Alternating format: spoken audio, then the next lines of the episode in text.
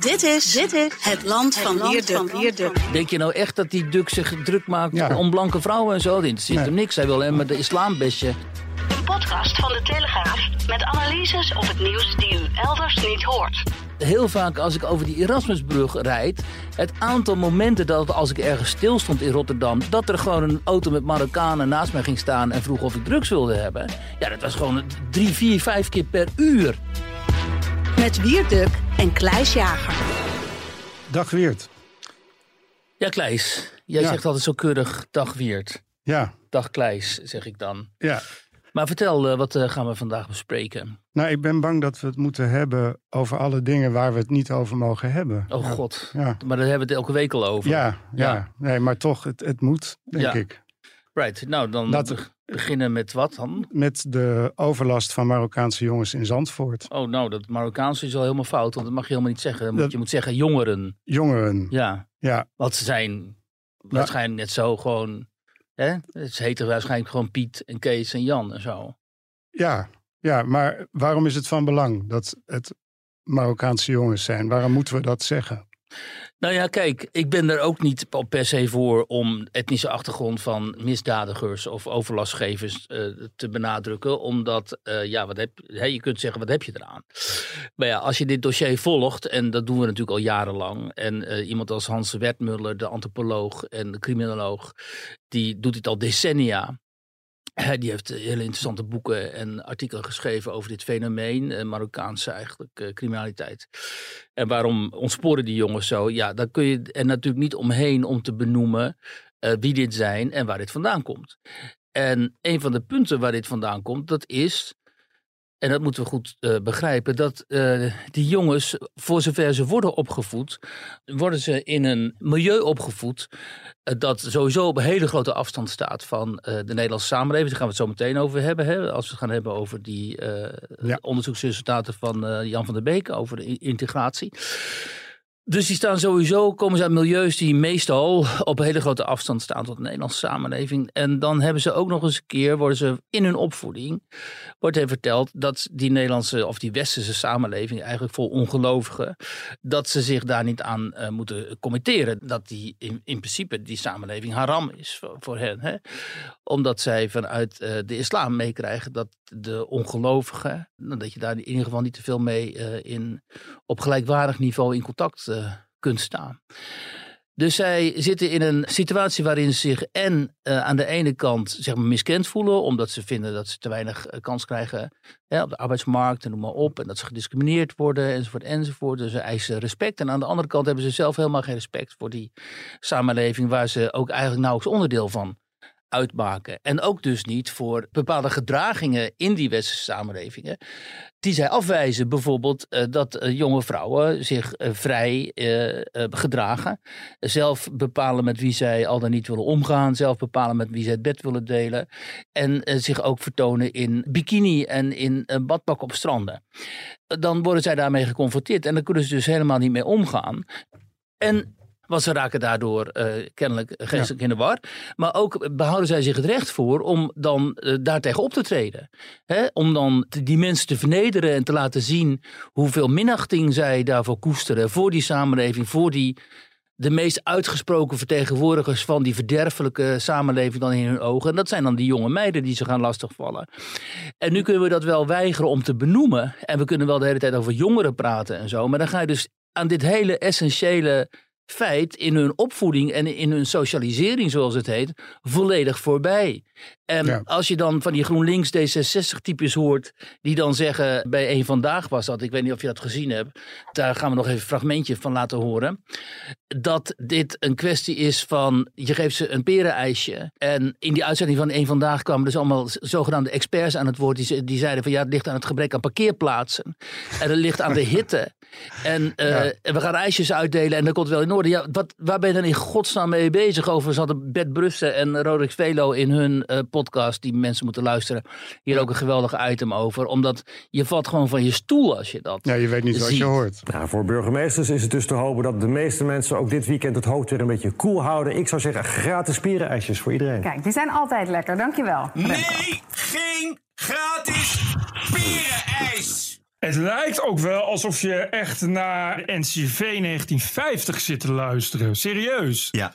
Is dit een verschrikkelijk achterlijk en archaïsch nieuwsprogramma geworden? Maar ook Velo en Brussel die, die benadrukken dus niet de culturele religieuze essentie waar dit vandaan komt. Namelijk het totale gebrek aan integratie binnen de Nederlandse samenleving. En ook de, de, onwil om daar in te, Ze willen daar ook helemaal niet in integreren. Waarmee je natuurlijk niet wil zeggen dat iedereen.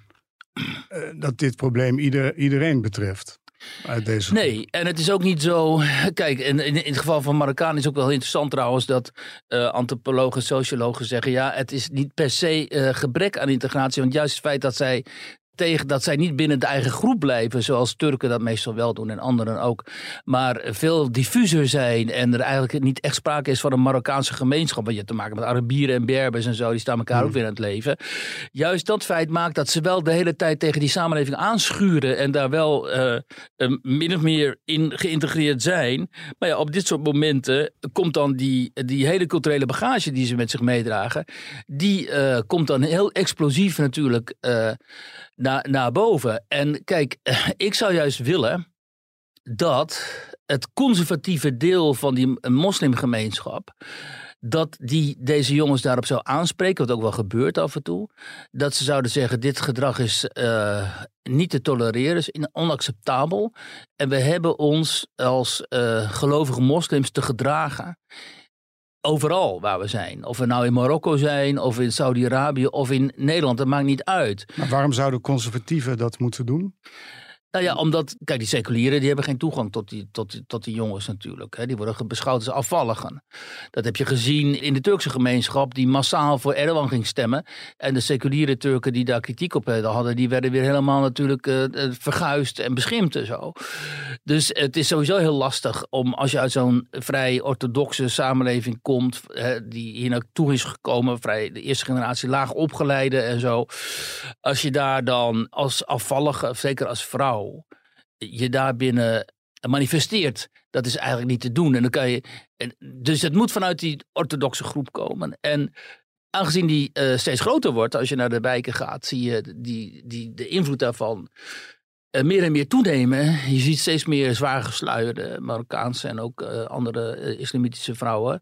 Dan mag je hopen dat die groep gezond verstand gaat vertonen en niet helemaal doorslaat in radicalisering, maar zich als een keurige groep conservatieve burgers in dit land gaat gedragen. En ook dit soort jongens, althans gaat proberen grip te krijgen op dit soort jongens. En dit soort jongens tot de orde gaat roepen. En gaat vertellen ook dat het binnen de islam weliswaar zo is. Dat je kennelijk niet al te veel respect hebt voor de kafir, voor de ongelovigen. Want ja, dat gaan we volgens mij niet veranderen. Maar dat je je wel hebt te gedragen in een land waar de islam in ieder geval niet de meerderheid uh, vormt. Enige probleem is dan dat uh, als vrouwen met een hoofddoek respect verdienen en vrouwen zonder niet, dan, dan hou je een probleem. Ja, dus het probleem is hoogst te containen en het is niet uh, in mijn ogen uh, op te lossen. omdat, maar dan kun je altijd nog zeggen, ja, maar kijk, binnen orthodox-christelijke gemeenschappen bestaat natuurlijk ook heel veel weerzin tegen vrijgevochten westerse vrouwen.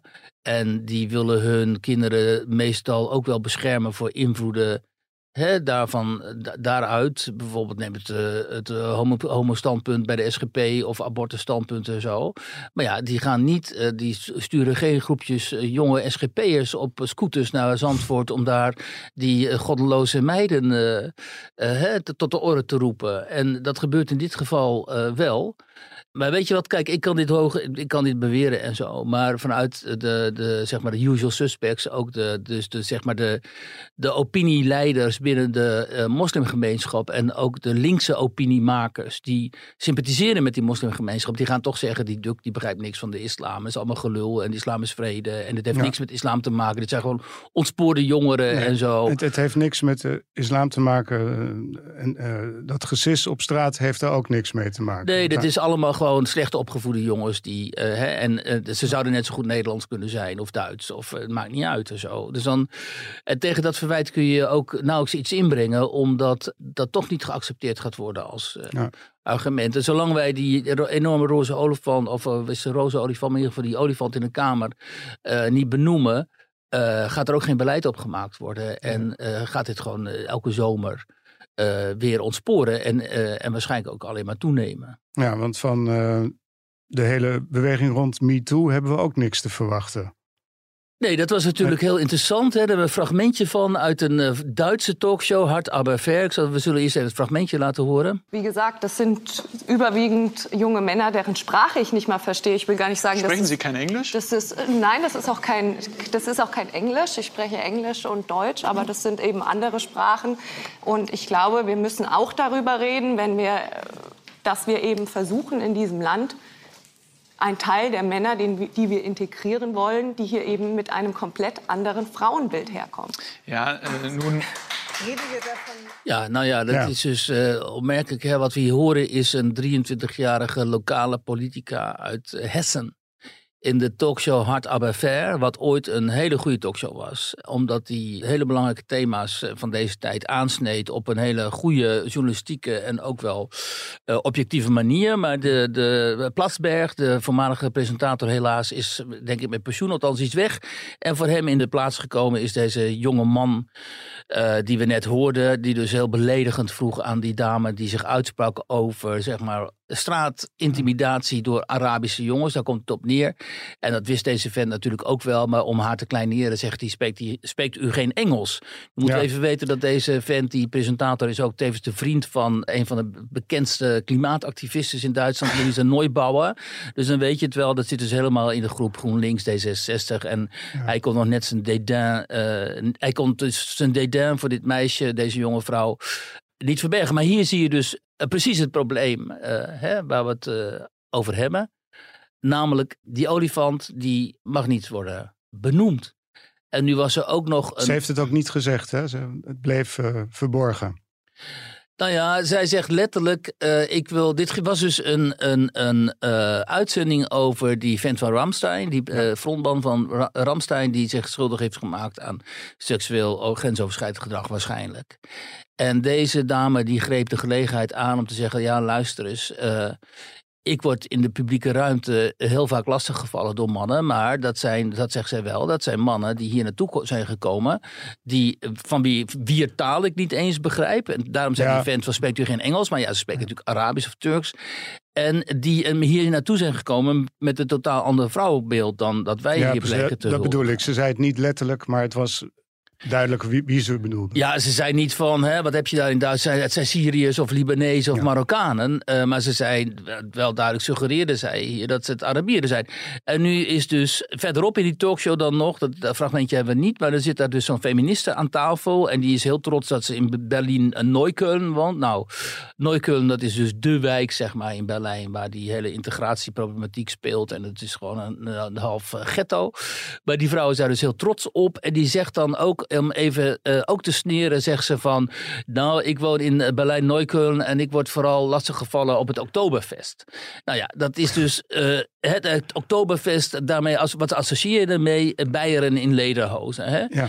En dus met andere woorden, ik heb helemaal geen last van die etnische groepen die daar op straat staan. en Maar die- wel van die lui. Maar wel van de, van de blanke, blonde Beieren. Het is hè? niet uitgesloten natuurlijk, dat, dat daar Nee, dat is zeker niet uitgesloten bij het Oktoberfest, eh, waar de decolletés eh, rijkelijk eh, zichtbaar zijn en, en iedereen stom dronken wordt. Natuurlijk worden daar, ehm, vallen, hè, zijn daar dit soort in- incidenten en zo. Alleen het is niet zo, en dat is het gemene hieraan, en ook het oneigenlijk en het intellectueel zo volstrekt niet integere, dat deze vrouw suggereert dat als je in München over straat loopt en daar staan allemaal van die blonde Duitsers, dat je dan ook op een soort gelijke manier wordt lastiggevallen als jonge vrouw, als wanneer je door Neugen of Wedding loopt. En dat, en dat is gewoon niet zo. En dat is ook de ervaring niet van die, dat meisje dat daar aan tafel zit. Want die- wat is het verschil? het verschil is dat je gewoon niet wordt lastiggevallen, natuurlijk. Als jij. eh, eh, je wordt niet door groepen, niet, op, niet structureel, stelselmatig. nagesist. En, er wordt, en er- ik heb mijn dochter gevraagd, die is in Berlijn opgegroeid. En die zei, jullie, eh, ouders dan, jullie hebben geen idee wat ik allemaal meegemaakt heb. Met wat voor angst ik daar rondloop. En mijn vriendinnen ook. En als ik naar Neukölln ga, dus naar die wijk waar ze ook wel vriendinnen heeft wonen en zo. Dan ga ik nooit zonder mannelijke begeleiding. Want als ik daar, want zij is blond, althans min of meer blond. Als ik daar binnenloop, die wijk, dan staat er om de havenklap iemand voor mij die zegt: geef me je nummer. En als ik dan zeg, ga eens weg, weet je wel. Ik ben niet van je gediend. Dan wordt dus agressief. Dan gaan ze aan je zitten.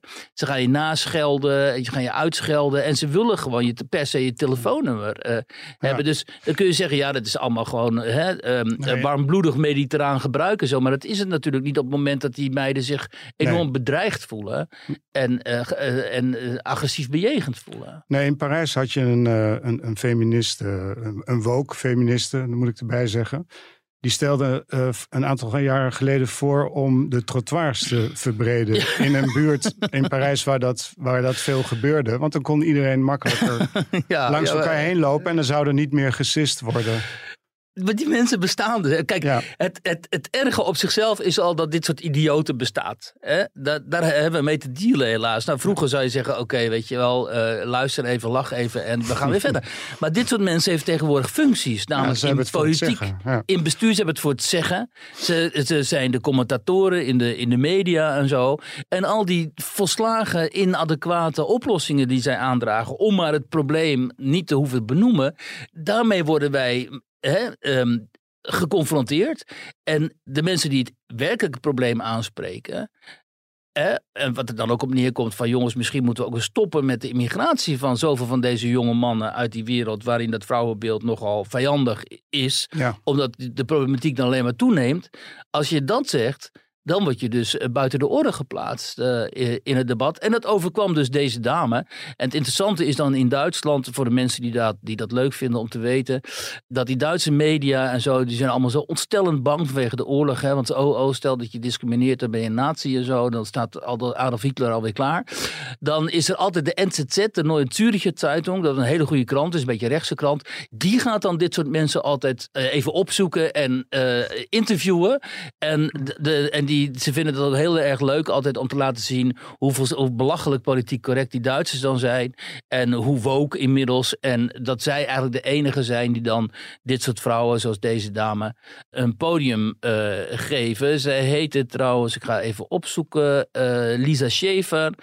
En inderdaad heeft de Neue Zürcher Zeitung natuurlijk een gesprek met haar gevoerd. Waarin zij ook zegt van ja, weet je, ja, ik voelde me eigenlijk in die uitzending behoorlijk eh, overvallen. Door die, eh, door die opmerkingen van die eh, presentator. Maar ja, het was mijn eerste talkshow, want ze is kennelijk nog maar 23, hoewel ze wel iets ouder uitziet. Uit Soms, klein stadje in Hessen. En zij, zij zei van, ja, dus ik, ik wilde niet weglopen of zo. Maar wat ze zei, wat wel duidelijk was, is dat het, het, het dus het beeld van de dader, moet ook in deze uitzending de oude witte man zijn. Dus de oude blanke, blanke man. En het heeft gewoon niet in het wereldbeeld van de redactie gepast dat ik over andere ervaringen ging vertellen. Ja, dat is eh, natuurlijk ook gewoon in, in Nederland nog altijd hè, grotendeels het geval. En het ellendige in Nederland is dan dat als je dan een talkshow hebt waar die wel over dit soort problemen wil praten en wel dit soort problemen wil aankaarten, bijvoorbeeld bij Ongehoord Nederland, dat daar dan de presentator ex- expres het woord neger gaat gebruiken, waardoor je dus ook alweer eh, jezelf buiten de orde stelt en het probleem alweer niet wordt, eh, goed wordt behandeld, maar Nee, eh, helpt alleen wordt geprovoceerd. Dus het Nee. helpt dan weer ook helemaal niks. Weet je? Dus het is Nee. hopeloos allemaal. Nou, dus doen wij Ja. het maar. Hè? Ja, precies. Ja. Ja.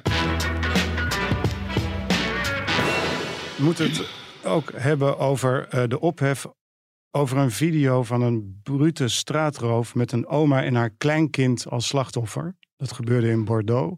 Ja, Eh, je had het filmpje niet mogen delen, geloof ik. Mensen waren erg boos op je. Ja, dat was weer zoiets. Nou ja, Bordeaux is een beetje meer jouw pakje Jan natuurlijk, omdat je Frankrijk-correspondent bent geweest. Ja, Maar iedereen heeft het filmpje natuurlijk inmiddels wel gezien. hè. Zijn oma met haar kleinkind staat bij de deur en zo'n donkere meneer die komt opeens binnengerend of aangerend. En die eh, belemmert hen de deur dicht te doen. En vervolgens zie je dat die oma met het kind op straat gesmeten wordt eigenlijk door die vent. En die vent die lijkt er weg te gaan rennen met dat kind, dat meisje. Uiteindelijk gebeurt dat niet. En keert dat meisje weer terug en lijkt het op een eh, berovingsactie Nou, en dat, daar was dus heel veel ophef over in Frankrijk. Nou ja, natuurlijk Ja. terecht. Hè? Want het is natuurlijk verschrikkelijk. Die oudere dame, die was 73 of zo, die daar op, op straat wordt gesmeten. En het arme kind, waarvan je denkt van, eh, misschien gaat hij wel met haar vandoor, weet je wel. Misschien wil hij haar wel ontvoeren, want daar leek het even op. Uiteindelijk hebben eh, enorm veel media en ook eh, eh, particuliere mensen en ook gewoon autoriteiten in Frankrijk dat filmpje online gezet, zo'n deurbelfilmpje, met gebleurde beelden. Dus ik deelde ook een van die ge- gebleurde filmpjes. En dan beginnen dus mensen tegen je aan te zeuren van, ehm, ja, die Duk die grijpt er elke gelegenheid aan om een racistisch statement te maken. En dit zal wat te maken hebben met het feit dat die vent zwart is, want over andere incidenten hoor je Duk nooit. En kijk, zo langzamerhand eh, leg ik dat allemaal naast me neer, want die mensen zijn gewoon ontstellend dom. Maar het, het, het, wel fascinerend om te zien wat zich dan in die breinen afspeelt. En wat, willen die mensen nu precies? Nou zeg jij maar, wat denk je, wat, wat, wat willen zij daarmee bereiken? Nou ja, ze, ze willen het buiten de orde plaatsen. Je moet, mag het er niet over hebben en dan bestaat het ook niet. En ze willen duidelijk maken dat door andere mensen die er wel over beginnen, door die te brandmerken als racist, eh, ervoor zorgen dat ze dat niet meer doen. Dus de, de, het is totale controle over het debat, over, over de taal die we gebruiken. En dan kunnen ze zeggen van ja, dit heeft niks met immigratie te maken, want deze Brahim D. was Fran- Fransman. Fransman, dat is ook zo. Ja. Zijn is- ouders ook Hij- Frans, hè? Ja, hij is, in Ja. hij is in Frankrijk geboren. En dat is dus niet het probleem, zeggen ze dan. Ja. Ja, want hoe redeneren zij dan? Van hij is dus in Frankrijk geboren, hij is Fransman, zijn ouders ook. Dus door dit te linken aan immigratie, wat ik overigens helemaal niet deed. En volgens Nee, mij, ik zag ook helemaal niet dat mensen dit per se linkten aan immigratie. Dat doen zij Nou dan. ja, dat dus, gebeurde of- wel in, in de politieke reacties gebeurde dat wel. Als je Brahim de, eh, heet, dan, heb je, dan kan je niet zeggen dat het losstaat van... Dan heb je in ieder geval een immigratieachtergrond. Dan heb je een mij. immigratieachtergrond. En we hebben in Frankrijk ongelooflijk veel van dit soort incidenten eh, gehad. Waarbij de daders afgewezen asielzoekers zijn. Of, of illegale of mensen met een immigratieachtergrond. En er zijn niet veel cijfers. Maar uit de cijfers die we hebben. Daaruit blijkt wel dat die oververtegenwoordiging enorm is. Bijvoorbeeld eh 80, 90 procent van alle mm, geweldplegers die in Parijs voor de rechter komen. Die, eh, die, dat zijn buitenlanders. Dus mensen zon- zonder, Serieus? ja, zonder Franse nationaliteit. Ja. je kunt blijven wegkijken en ontkennen, maar dat zal, dat zal helemaal niets helpen. Wat ook niet helpt, is door te zeggen: ja, maar hij had psychische problemen. Hè? Het is een psychiatrisch Dat werd ook patiënt. gezegd, inderdaad. Ja. Ja. Maar dat raakt aan een ander, stru- meer structureel probleem. Dat is namelijk daders die dakloos zijn, zoals deze jongen ook, drugs gebruiken. En als je op straat leeft en drugs gebruikt, dan komen die psychische problemen vanzelf wel. Hè? Ja. Dat is, eh, dus dat is ook niet de manier om het, eh, om het te benaderen, lijkt me. Maar hoe dan? Want ik zag ook mensen als uh, Zemoer en eh, de, de, de, nicht van eh, Marine Le Pen, Maréchal, hoe heet ze voornaam ook alweer? Eh, Marion? Marion Maréchal. Ja. Ja, die reageren natuurlijk ook allemaal. Hè? Marine Le Pen zelf ook. Dus het wordt natuurlijk ook politiek dan. eh, het wordt ook gepolitiseerd natuurlijk. ja, zeker. Ja, natuurlijk. Ja. En ik kan wel voorstellen, kijk, het, helaas, kijk, de mensen zijn vaak de onnozel mensen die dan kritiek hebben op het delen van zo'n filmpje, om dit te abstraheren. En zeg maar, er wel een interessant verhaal van te maken. Namelijk, je zou kunnen zeggen, kijk, wat hier gebeurd is, wat je ziet daar. ehm, als je dit zeg maar sociologisch, psychologisch bekijkt, dan zie je daar dus de vertegenwoordiging van het oude Frankrijk. Die grootmoeder met haar kind. Die grootmoeder past dus op het kleinkind, weet je wel. De ouders zijn waarschijnlijk aan het werk en zo. Grootmoeder wilde net met dat kleinkind naar binnen waar dan de, groot, de opa zit. En dan dringt daar opeens zo'n vertegenwoordiger uit een totaal andere wereld met veel geweld binnen. Je ziet het gebeuren, je ziet ook het geweld, je ziet de gevolgen van het geweld, de angst van het kind dat misschien wel ontvoerd. Dat kind denkt natuurlijk, ik ga ontvoerd worden. De angst en het verdriet van die grootmoeder dat er niet in staat, die niet in staat is om dat kind te beschermen. En dan die grote man, weet je wel, zwarte man ook nog, die dan daar de dader is. Dus natuurlijk kan dit enorm geïnstrumentaliseerd worden door radicaal rechts. En Ja. eh, andere partijen om te laten zien met welk gevaar we eh, hier eh, te maken hebben. Dus dat begrijp ik. Als je, als je zegt van kijk, dit is bij uitstek een beeld dat zozeer eh, op, op, ook, ook, ook op hersenstamniveau zeg maar, de angst aanjaagt bij de auto, autochtone bevolking en dat gaan we inzetten en instrumentaliseren, Hmm. Ja. dan begrijp ik dat je die kritiek kunt kunt Ja, hebben. Dat, dat is waar. Alleen heeft eh, Marine Le Pen, die heeft natuurlijk een, een link gelegd met immigratie. Zegt van dat kunnen we niet ontkennen, dat eh, onveiligheid op straat en immigratie met elkaar te maken hebben. Maar ze zei ook, we moeten eigenlijk eh, de zorg voor verslaafden verbeteren. Hè? Dus we moeten die mensen niet op straat rond laten, Sowieso laten zwerven. ja. Dus Ja. om nou te zeggen dat het een bikkelharde, onmenselijke reactie was, eh, dat, dat zou ik niet durven zeggen. Nou, weet je, en wat ik ook denk, dat is dat we dat stadium in Europa, in veel Europese landen, zeker hier in West-Europa, eh, voorbij zijn. Omdat we al zo multicultureel zijn. Ik bedoel, ga naar Rotterdam, is een en al multiculturalisme daar. hè. En de islam is al zo groot en het aantal moslims is al zo groot dat je niet kunt volstaan met te zeggen: oh kijk, eh, een zwarte man, we moeten immigratie stoppen. Of oh kijk, eh, moslimjongeren, dus we moeten immigratie. Dat kan niet meer. Nee. Wat we moeten doen is eh, die gemeenschappen. Er moet vanuit die gemeenschappen ook, en dat hoor je ook steeds vaker natuurlijk. En dat hoor ik ook van mijn islamitische en donkere kennissen en vrienden. Steeds vaker eh, de stem klinken van jongens, dit is ook ons probleem. En als wij niet vanuit onze gemeenschap ook dit aanpakken en samen met hè, de autochtone gemeenschap daar eh, paal en perk aan gaan stellen en daar iets aan gaan doen, dan gaan we met z'n allen ten onder. Dus daarom hoor je ook steeds vaker uit de islamitische kring van we moeten eh, die immigratie stoppen. En steeds meer moslims die Ja, naar een Baudet en zo trekken, die Ja. zeggen ja, jullie moeten stoppen met je eigen wereld te je- ondermijnen. Je hebt in Frankrijk voortdurend enquêtes, eh, al, al heel erg lang, waaruit blijkt dat een overgrote meerderheid van de bevolking voor minder immigratie is. Dat is Ja. echt 60, 70 procent. En dat zijn ook alle immigranten die er al zijn. Natuurlijk, Ja. bij dat soort aantallen weet je dat dat niet alleen maar autochtone witte Fransen zijn. Ja. Dat, is, eh, dat is onzin. Ja. En de pest is dat, in die, in de, die, die, dat de politiek en bestuur en media en zo, zo krankzinnig hierin achterlopen. Hè? Als ik mensen als Jesse Klaver hoor kletsen, want het is gewoon geklets. En anderen uit de Partij van de Arbeid en zo. Dan denk ik, je, waar, eh, leven jullie in 1986 of zo, weet je? Hoe kan het dat jullie niet weten hoe die samenleving er nu uitziet? En wat, wat het sentiment is in die samenleving? En hoe kan het zijn dat jullie nog altijd als soort poortwachters eh, gedragen als white saviors hè, voor, de, voor, de, eh, voor de minderheidsgroepen en zo, die helemaal niet meer op jullie reddersgedrag zitten te wachten en die al lang voor een heel groot deel zelf geëmancipeerd zijn en ook vinden, wil je deze samenleving, de kwaliteit van deze samenleving bewaken, dan moet je niet allemaal mensen eh, importeren die hier eh, geen toekomst hebben en die alleen maar een enorm beslag gaan leggen op de, onze arrangementen van de verzorgingsstaat, waaronder misschien ook wel deze Brahim B, hè, die waarschijnlijk niet voor niks op straat leeft en aan de drugs is en dus gewoon ontspoord is geraakt op zeker moment. Ja, ja, in Frankrijk spreken ze op dit moment heel veel over decivilisatie. Ik kan het bijna niet uitspreken. Decivilisation. Precies. En dat is dus het losraken van allerlei. Ja, maar dat is heel interessant. Hè? Zoals wat die Duitse dame zei, deed, dat is een taboebroeg. Hè? Nog Ja. altijd. Een, de taboebreuk. En daar wordt dan heel heftig op gereageerd. En die, die, die decivilisering die jij nu aanstipt. Dat je in feite voor een deel terugkeert naar een premoderne tijd. Dat is ook een heel interessant en eh, natuurlijk verschrikkelijk fenomeen. Iedereen die de afgelopen jaren in Parijs is geweest of andere grote steden en net in de foute buurten terecht is gekomen en zo, die ziet dat natuurlijk. Dat Parijs voor een deel en andere grote steden ook voor een deel derde wereld is geworden. Hè? Ik was net, ik, de vrienden van mij die waren net in Parijs de afgelopen dagen ook.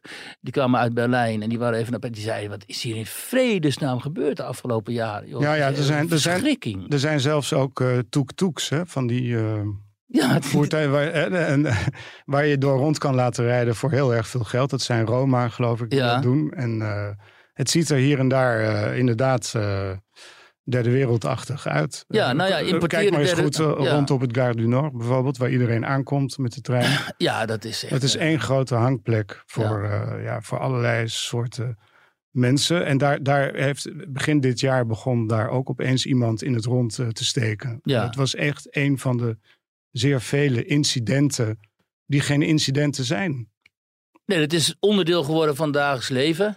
en net zoals destijds bij die nieuwjaar, bij die Silvesternacht, die nieuwjaarsnacht op in de station in Keulen, hè, hoofdstation, waar het precies hetzelfde zich voordoet. Dan opeens dan ontstaat er zo'n ritueel dat die jonge mannen dan eh, eh, eh, vrouwen gaan omringen en gaan lastigvallen en zo. Hè? En dat is inderdaad iets wat je dan ook op, in, in Egypte en zo en in andere dat soort landen een soort ge- gebruikelijke rituelen zijn. Althans, Ja. daar kun je in terechtkomen.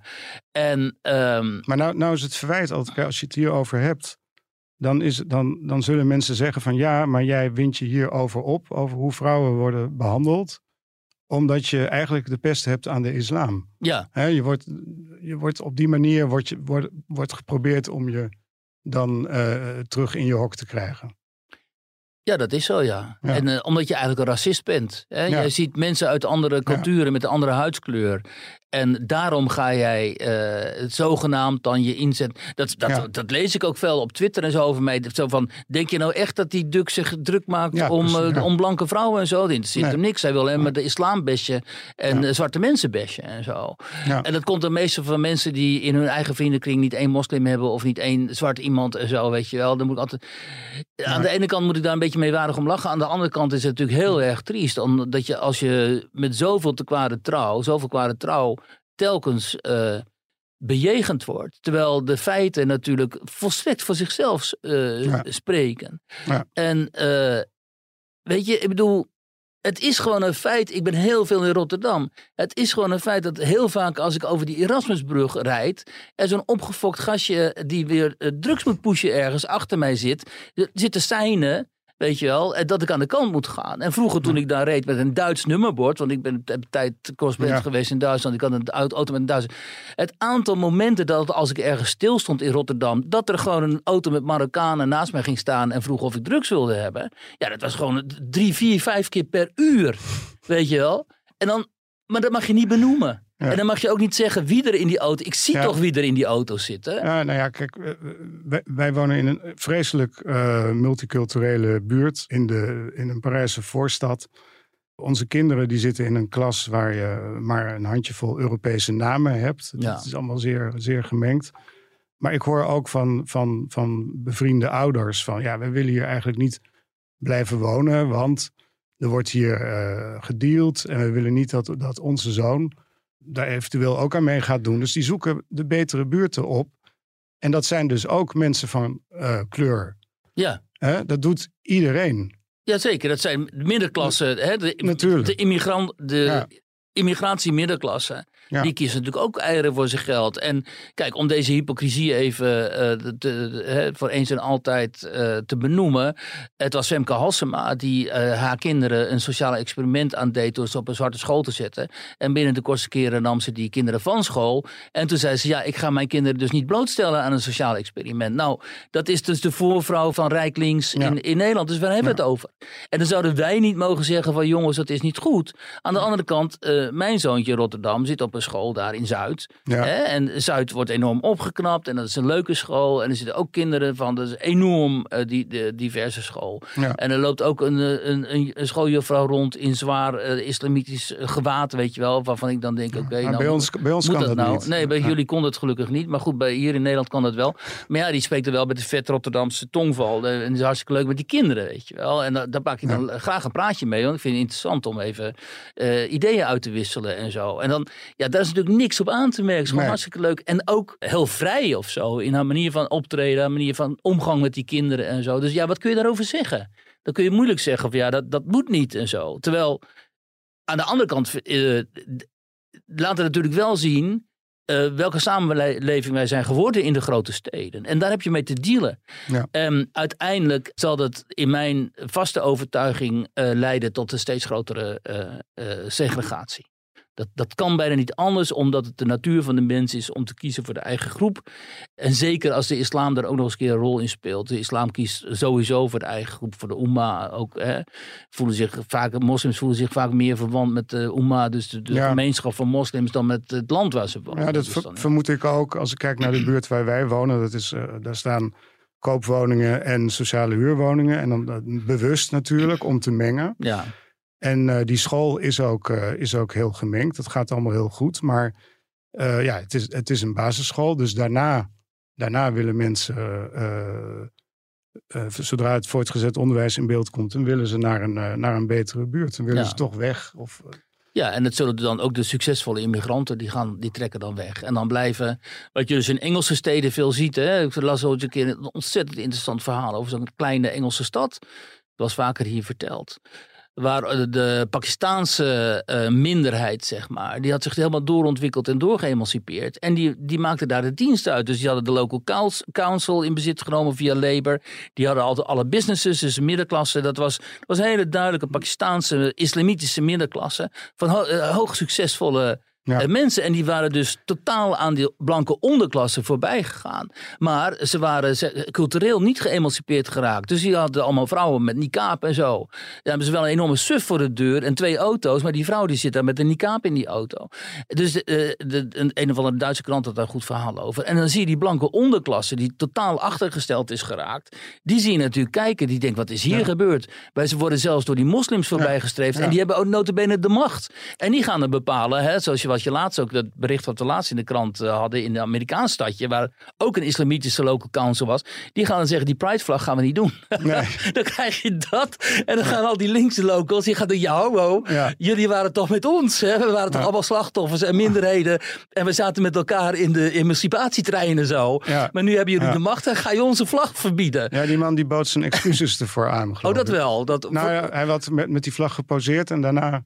Nee, die, die, die, de gemeenteraad daar, die was gewoon helemaal islamitisch. En die Ja. hebben gezegd, die pridevlag, die gaan wij niet laten, laten wapperen. Nou ja. Want het, eh, hallo, net Ja. als Kuxu, die wilde niet die, die, die regenboog eh, aanvoerdersband gaan dragen natuurlijk. Dat kan hij helemaal niet maken tegenover zijn gemeenschap.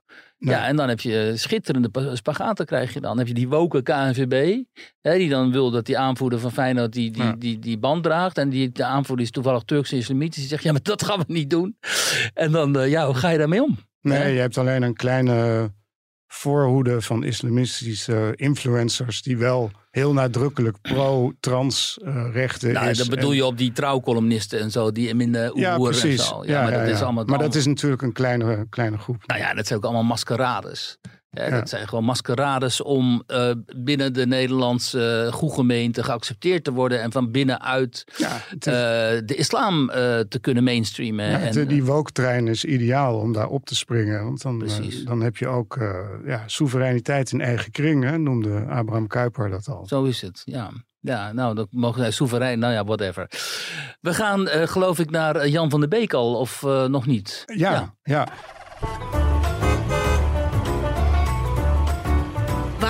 Was Wiert?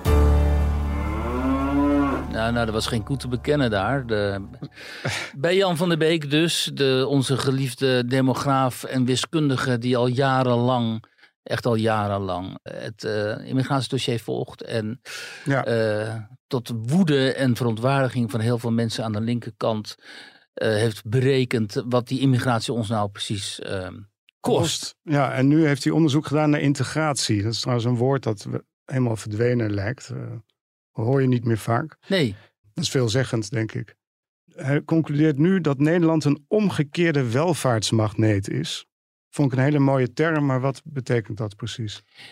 Ja, daarom heb ik hem ook geïnterviewd. Jan van der Beek die had dat rapport eh, Grensloze Verzorgingsstaat ooit gepresenteerd met anderen samen. Waaruit blijkt dat eh, immigratie zo krankzinnig veel geld kost. Dat ofwel wij moeten stoppen met die immigratie of we moeten de verzorgingsstaat opheffen. Want allebei eh, laten voortbestaan, dat kan niet. Maar goed, dat gebeurt toch.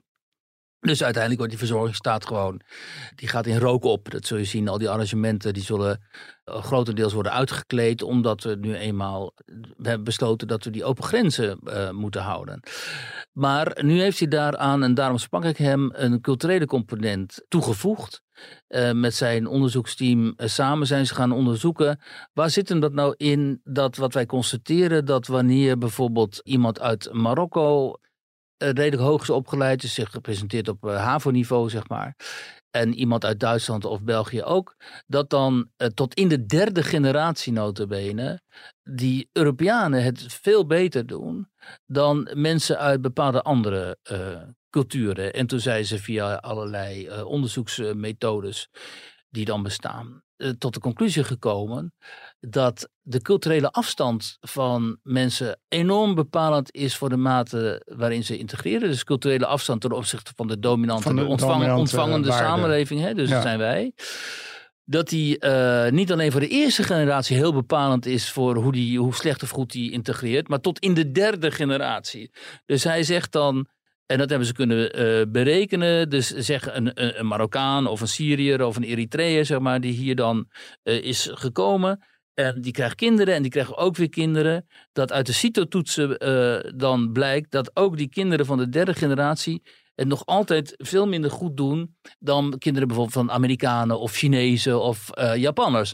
En dat heeft inderdaad te maken met die enorme afstand eh, die de, vooral mensen uit de Afrikaanse en eh, islamitische wereld hebben tot ehm, de dominante cultuur, dus tot de Maar- Nederlandse cultuur. Maar Japanners en, en Amerikanen in Nederland, dat zijn expats. Dus dat zijn sowieso hoger opgeleide mensen uit een andere sociale groep. dan- Precies, dat zei ik ook tegen hem. En, Maar ze hebben dat dus eh, in hun onderzoek verdisconteerd. Ah. Dus eh, dat is al geen argument dat we kunnen maken. En bovendien zegt hij, je kunt ook niet zeggen dat dit nou per se te maken zou hebben met discriminatie. En islamofobie bijvoorbeeld, omdat blijkt dat dit ook geldt voor eh, groepen uit eh, bijvoorbeeld Oost-Europa, de orthodoxe wereld, dus de christelijke orthodoxe wereld, en Latijns-Amerika. Die, die eh, integreren ook minder goed. Eh, en dat vonden zij ook opmerkelijk, vind ik ook opmerkelijk trouwens. En zij Ja. zeggen dat zou best te maken kunnen hebben met het vrouwbeeld. Dus eh, vrouwen die dan gewoon minder vaak aan het werk gaan en zo. En met ook eh, ja, arbeidsethos misschien. Maar goed, daar moeten ze nog veel meer onderzoek naar doen. En ook opmerkelijk is dat dit, dit verandert direct als je op, op het moment dat dan een van de ouders eh, Nederlander is. Dus als het dan vanuit de minderheidsgroep wordt getrouwd of relaties worden aangegaan met Nederlanders, dan gaat dat onmiddellijk eh, gaat dat integratieniveau omhoog. En zijn de resultaten ook beter. En dat kun je natuurlijk, ja, dan kun je denken, ja, logisch natuurlijk. Want die kinderen die nu vaak de eerste paar, twee, drie, vier, vier jaar vaak alleen maar Turks of, of Arabisch of iets anders spreken, die worden dan in ieder geval geconfronteerd met een Nederlandse die eh, Nederlands met hen spreekt. Dus in de taal zullen ze sowieso al het beter doen. Eh, en, en ook hè, anderszins in contact met opa's en oma's en neven en nichten en zo, zullen ze ook het beter integreren in die Nederlandse samenleving. Het probleem natuurlijk met de islam is dat die zo ongeveer verbiedt om eh, met eh, niet-gelovigen te trouwen. Dus zeker eh, vrouwen met mannen. Dus die mannen die zullen zich of moeten bekeren.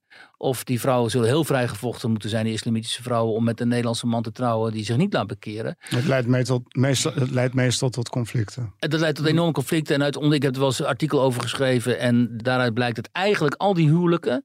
die dan tussen islamitische vrouw en Nederlandse niet-gelovige man.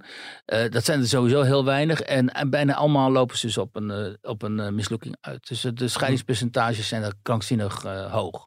Ja, omdat het uit- uiteindelijk toch heel moeilijk te combineren is. En daardoor zie je er ook vaak hè, wat het probleem dat hoogopgeleide Marokkaanse vrouwen bijvoorbeeld. Marokkaanse vrouwen doen het in de op, in, het, in het opleidingsniveau veel beter dan Marokkaanse mannen. Hè?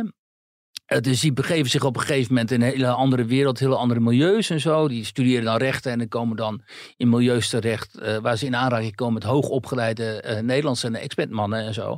Ja, en die raken dan vaak in, in een enorm conflict, omdat ze hebben toch nog aarzeling om met een niet-moslim dan een relatie aan te gaan.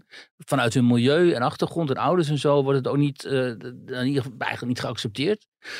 En die eindigen dan vaak toch single. Of ze, eh, wat ook, ik heb daar, daar ook over geschreven namelijk, wat ook eh, nou niet interessant is, maar tragisch, is dat ze dan vaak ook geestelijke problemen krijgen. En dus hun opleidingsniveau eigenlijk niet kunnen uit, hoe heet dat, niet, niet in, in succes kunnen omzetten. Niet kunnen omzetten naar maatschappelijk succes omdat ze zo gehinderd nog worden door het, het culturele, eh, religieuze milieu waar ze uitkomen. Ja, heftig natuurlijk. Maar goed, wat Jan van der Beek hier eh, dus zegt is, eh, luister is, ehm, als wij die immigratie niet kunnen beteugelen, wat op dit moment natuurlijk het geval is, dan dreigt er dus alleen maar gewoon enorme ellende. Omdat wat er nu binnenkomt is zozeer, zijn zulke grote groepen mensen die op zo'n grote afstand eh, ten opzichte Ja. van onze samenleving staan, ja, die gaan eh, gewoon krankzinnig last eh, betekenen, financiële last voor de verzorgingsstaat. Ja, en de, en de succesvolle nieuwkomers gaan weer weg. Dat zegt hij ook. Met de nieuwkomers die dus wel succes hebben. Ja, die trekken op een gegeven moment weer verder. Omdat ze elders gewoon betere kansen zien. En, en dat is dus die welvaartsmagneet waar je over begon. De onsuccesvolle, de slecht intrigerende groepen. Die blijven. Ja. Omdat die hier dat vangnet hebben van de verzorgingsstaat. Waar ze gebruik van maken.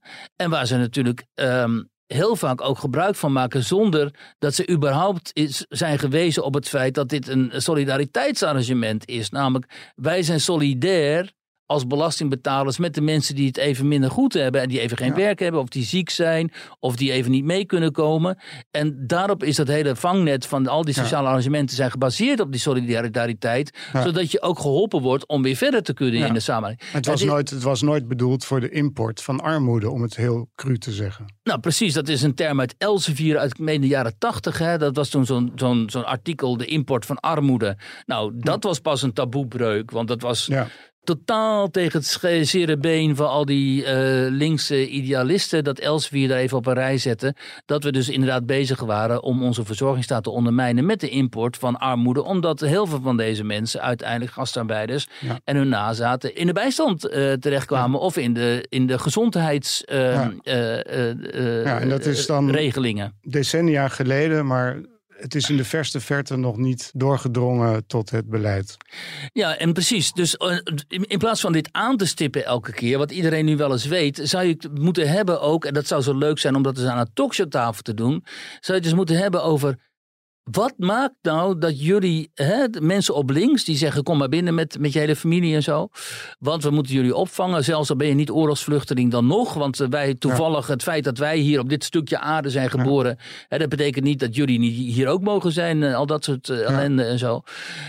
Dan zou je toch eens een keer met die mensen moeten praten aan een tafel. en Zeggen, wat maakt nou dat jullie zo denken? Ja, wat nou, maakt nou dat Ik jullie... denk dat, dat, dat, dat, dat deze groep het idee heeft dat ze niks te verdedigen of niks, niks te verdedigen hebben eigenlijk. Maar ze hebben uiteindelijk hun ze- eigen kinderen te verdedigen, toch? En de welvaart van hun eigen kinderen. Want die gaat on- ten onder. Ja, je zou, je zou zeggen dat dat voor de hand ligt, maar dat, eh, kennelijk wordt dat opgelost in een vaag idee over, eh, over solidariteit tussen alle mensen. Dus eigenlijk een, eh, een diep christelijk idee.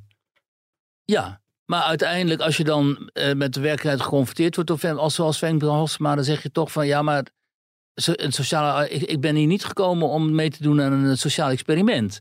Terwijl zij ons, de samenleving en alle mensen met gezond verstand... die begrijpen dat dit niet houdbaar is... een sociaal experiment opdringen. Ja. Daarom ben ik daar ook zo geërgerd over. Zo'n Halsema die dan dat doet, terwijl die Jesse Klaver... die slaat allemaal vrome praatjes uit. Over solidariteit met de, hele, de rest van de wereld. Dat is haar politiek leider, weet je wel, van haar partij.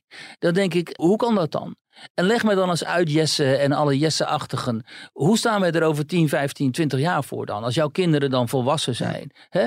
En eh, wie, wie brengt dan al het geld op om deze mensen hier eh, te onderhouden? En hoe staat het dan met de sociale cohesie? En hoe, Ja. hoe staat Ja, het dan is- met het Nederlanderschap? Het is heel merkwaardig, want eh, als, industrie vertrekt, eh, dan, dan hebben ze daar ook, eh, maken ze zich daar ook niet heel erg zorgen over. Als de industrie vertrekt ten gevolge van, als gevolg van klimaatbeleid.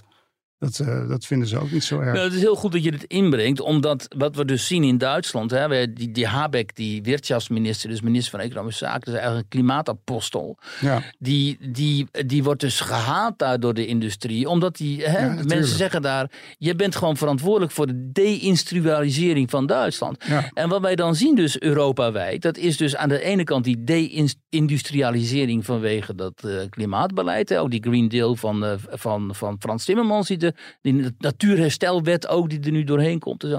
Allemaal onderdeel van hetzelfde project. Je ziet de decivilisering door de massa-immigratie en de problemen die zich meebrengt. Notabene letterlijk van grote groepen mensen die in een soort premodern stadium leven nog. Ik bedoel, die geen enkele ervaring hebben met democratie. Geen enkele ervaring met hoe je hoe je in zo'n hoog ontwikkelde technologische samenleving ook, eh, zeg maar, staande houdt. En Ja. wat, wat er van jou wordt verwacht als burger ook. Het hele, hele idee van burgerschap is hen totaal vreemd. Dus dat, daarmee, hè, dat is het idee. Nou ja, van de, de, de, een, een, een nazistaat. Hè. Het komt natuurlijk ook ook, dat, door, door, ja. door, door Baudet dat dat eh, idee weer besmet is geraakt. Dus dat heeft de zaak ook niet geholpen. Nee, maar je hebt dus met die processen te maken. De deindustrialisering, decivilisering. En dan daarmee samenhangt dus een grotere toename van armoede. Een toename van criminaliteit, gevoel van onveiligheid. Heel veel mensen zullen zeggen, nee, criminaliteit neemt niet toe. Maar gevoel van onveiligheid echt wel. Zeker in die steden zoals daarin. Ik bedoel, in Marseille, jij liet het laatst ook een filmpje zien. Ja, ja. In Marseille kom je gewoon helemaal niet binnen. Want dan, dan blokkeren Nee, er ze zijn gewoon... Die drugsbuurten die worden afgezet door de, door de dealers. Ja. Dus de politie kan helemaal niet binnenkomen. Dus, wat, Ja. hè? Dus, dus een soort Mad Max-achtige eh, situatie is over een jaar of 10, 20 niet ondenkbaar in delen van Europa. En daar zijn deze apostelen van links, die zijn daar dan kennelijk eh, niet alleen tevreden mee op dit moment, maar ze streven dit, dit ook na. Ja, Een dystopie die eigenlijk niemand zou moeten willen, wordt door hen bewust nagestreefd. Ik zou zo graag eens een keer met die mensen echt daar wat langer over praten. Maar het is ook niet te doen, hè? Want als Nee. je daar op Twitter met hen over begint bijvoorbeeld, dan, gaan ze om met het schelden en zo. nee, of dan, dan zeggen ze dat er verdragen zijn waar we ons aan moeten ja, houden. dat zo. soort onzin, ja. Het is allemaal, eh, eh, of, of ze, ja, ja, zoals die, hoe heet die, van de Burg. Die, die heeft het alleen maar over opvangplaatsen, geloof ik. De Erik van den Burg, de asielstaatssecretaris, ja, ja, ja. er moeten er zoveel bij komen. En, ja. Eh, Ja, of Rutte ook totaal. Kijk, als je die Oorman, je kunt van alles zeggen van die Oorban. En die is ongetwijfeld corrupt en die heeft zichzelf als familie verrijkt en zo. Maar als Ja. hij het heeft over immigratie, heeft hij wel een verhaal. ja, Zo, zei, dat, willen we niet. Boedapest moet geen Marseille worden. Precies, oh, dat zegt hij letterlijk. Ja. Zei hoor je ooit eh, Rutte zoiets zeggen? Die treedt alleen maar op tegen buitenlandse staatslieden als ze zijn herverkiezing eh, bedreigen. Zoals toen tegen die Turkse minister, weet je wel, die toen Rotterdam binnenkwam. En toen durfde hij wat te zeggen. Hè? Als het hemzelf dus eh, raakt. Maar als het de, de, de- het volk raakt, zeg maar. En eh, zijn eh, kiezers. Dan hoor je hem niet. Maar goed, we moeten verder, want Ja, we we zijn al moeten- 50 minuten bezig. Ja. We moeten het nog hebben over Sander van Dam. Ja. Die heeft een boek gepubliceerd van zijn eh Twitter-luikjes. Nou, nou zal heel veel mensen dat helemaal niks zeggen, maar hij zet tweets naast elkaar waarin mensen op, eh, zichzelf verschrikkelijk tegenspreken of waaruit zelfs hun hypocrisie blijkt. Zo heb je Ja. eh, Sander Schimmelpenning die op Twitter eh, mensen van 's ochtends vroeg tot 's avonds laat Uitscheld. uitscheldt en vervolgens voor fatsoen pleit. En dat, als je dat naast in zijn elkaar column in de Volkskrant. Ja, en dan Ja. is dat het is heel erg geestig om dat naast elkaar te zetten. En dat doet deze Sander van Dam. Van wie steeds gezegd is dat hij helemaal niet bestaat. ja, mooi. Eh, maar jij hebt hem gesproken, dus hij, hij bestaat, begrijp ik. Ja, ja. En ja, wat. wat zo- En hij heet ook echt Sander van Dam. eh, ja, althans, Ja. zo heeft hij zich wel aan mij voorgesteld. en eh, ehm, ik heb niet om zijn paspoort gevraagd. Maar ik, er is geen enkele reden om aan te nemen dat hij niet Sander van Dam eh, zou heten, denk ik. En inderdaad, eh, de, het leukste voorbeeld voor mensen die niet op Twitter zitten en niet begrijpen wat dat dan is. Eh, Sander bijvoorbeeld, die heeft dan tweets van eh, zijn grote vriend eh, Gerrit Hiemstra, de weerman, eh, verzameld. Want daar, daar, daar had hij niet zo eh, veel mee op. En eh, Hiemstra die zegt dan bijvoorbeeld tegen iemand: eh flikker toch op met je gezeik. Of iets anders is: wow, wat knap dat je dit kunt zeggen. Helemaal zelf bedacht, heel goed gedaan. Mag je nu even in de poppenhoek spelen? Dat is heel denigrerend. Of eentje met hoofdletters: ben je nu op je pikkie getrapt? Ja, nou, dat zijn dus tweets van Gerrit Hiemstra. En vervolgens Echt? komt. Ja, ja. En eh, die- Hiemstra is altijd boos. Dat is echt heel grappig, zo'n boze Fries. en dan zet hij daarnaast dus een, een tweet van Sigrid Kaag. En die zegt, Sigrid Kaag, en moet je even haar, haar, haar, haar eh, stem en haar eh, accent erbij denken van... Die schrijft veel dank Gerrit Hiemstra voor je deelname aan de discussies op sociale media. De wijze waarop jij dit doet is een inspiratie en voorbeeld voor velen. Gefeliciteerd. Ja, die is echt om in te luisteren. Hij is echt zo ontzettend grappig. Of hij heeft dan ook van, eh, van, ehm, eh, van die schimmelpenning die dan... ehm, nou ja, dat, is allemaal, dat, dat allemaal een beetje te ver. Maar wat hij... ehm, Wat hij dus aantoont, feilloos, dat is dat eh, mensen niet zo consequent zijn in hun eh, gedrag en in hun uitspraken. En dat vooral mensen die de 24-7 zitten te vinger wapperen op Twitter tegen mensen, nou ja, zoals jij en ik en zo, die af en toe eens wat de problemen aan de kaak willen stellen, dat die dan eh, enorm tekeer kunnen gaan tegen bijvoorbeeld jou en mij, maar zich ontzettend ondertussen voordoen als ehm, de ideale schoonzoon. Hè? En de als enorme virtue signalers. Nou, en die Sander die is dat dus gaan opvallen op Twitter. En die besloot daar dus vier luikjes van te maken, zoals hij ze noemt. En dat heeft tot nog toe, deed niemand dat. En die zijn heel erg populair geworden. Zelfs zo populair dat ze nu dus zijn gebundeld. En nou ja, ik ben met Sander gaan praten maandag. Is, is het een van de eerste uh, bundeling van, van tweets? Ik denk, dat dit een van de eerste bundelingen van tweets is. Dus dat is uniek. Je ziet mensen ook heel enthousiast reageren. Want het kost ook maar 15 euro dat boekje. Het is ook een ideaal cadeautje ook ook, eh, hè, omdat het zo hilarisch is. Dus eh, ik denk dat het een enorm succes gaat worden. Althans, je ziet al heel veel mensen die dit willen kopen. En het leuke is dan dat Sander zelf is dus gewoon een hele gewone jongen met een kantoorbaan uh, ergens daar in Noord-Holland. Die in het weekend gewoon zit te gamen en met zijn vrienden een pilsje drinkt en zo. En totaal niet had verwacht dat dit zo'n succes zou worden. En ook heel erg verbaasd is dat hij als nobody, zoals hij zichzelf noemt, met de kantoorbaan allerlei bekende Nederlanders enorm op de kastjaagt die aangifte tegen hem wil gaan doen. Oh ja, voor en de, echt oh dreigen met je komt met voor de rechter. Ja, omdat je tweets niet zou mogen publiceren. Ja, vanwege auteursrechten en al dat soort shit en zo. En hij zegt, nou ja, kom maar op. Weet je. Nou, laat het boek buiten handel halen. Dan is het alleen nog maar populairder en zo. En hij heeft ook die Sidney Smeets achter zich aan. Die, die advocaat die dan in on, onmin, of nou ja, die in discrediet is geraakt in de Tweede Kamer. Waar, hij, waar hij zat, omdat hij uh, jonge jongens had uh, benaderd voor seks. En dat die heeft hij beledigd door hem een groomer te noemen. En die Smeets heeft dus echt aangifte tegen hem gedaan. En ik, dat heb ik niet meegenomen in dit, mhm. verhaal. En Sander is op het politiebureau moeten komen om, zich, uh, daar, om daar te verklaren. En het OM gaat hem waarschijnlijk dus vervolgen. Ah, ja. Om die reden. En, en dan moet je dus voorstellen, die Smeets, eh, hè, die heeft zich echt schuldig gemaakt aan hele ranzige zaken. Maar die mhm. krijgt dus uiteindelijk zo'n Sander dus, die inderdaad gewoon ja, iemand uit het volk, weet je wel. Met geen enkele status of wat dan ook. Maar die krijgt hij wel voor de rechter zometeen eh, misschien. Ja, misschien kunnen we een crowdfund actie voor hem Ja, dat, zijn fans moeten dan maar een crowdfund actie eh, beginnen. Zodat hij in ieder geval eh, die rechtszaak kan betalen. Maar goed, dit is natuurlijk allemaal hilarisch. En zo enorm symbolisch voor, de, de, voor Twitter. En ook wel voor de opgefoktheid van het debat. En vooral voor al die, zoals we die noemen, linksdeugers. Die de hele tijd iedereen de maat lopen te nemen en lopen uit te schelden. En als ze dan eens een keer koekje van eigen deeg krijgen, dan uh, zijn ze eh, woedend en dan gaan ze dreigen met uh, aangifte en met uh, de rechter. Dus nou ja, dit moesten we even toch te sprake brengen nog. En nu zijn we bijna een uur vol uh, kluis, dus we maken een einde aan. Ja. Dankjewel. Ja, nou, da dankjewel Wiert. We hadden het nog even willen hebben over Hugo de Jonge, maar dat ja, nee, dat gaan we tot volgende week bewaren. Dan uh, ja, het feit dat Hugo de Jonge, wat, wat wil hij ook alweer invoeren? Hij wil gemeentes het recht geven om woningen tot 300 nog wat duizend euro... om te bepalen wie die koopwoningen mogen gaan kopen. Nou, ja. denk daar maar eens over na, dames en heren. komen we er volgende week op terug. Het communisme ligt uh, om de hoek.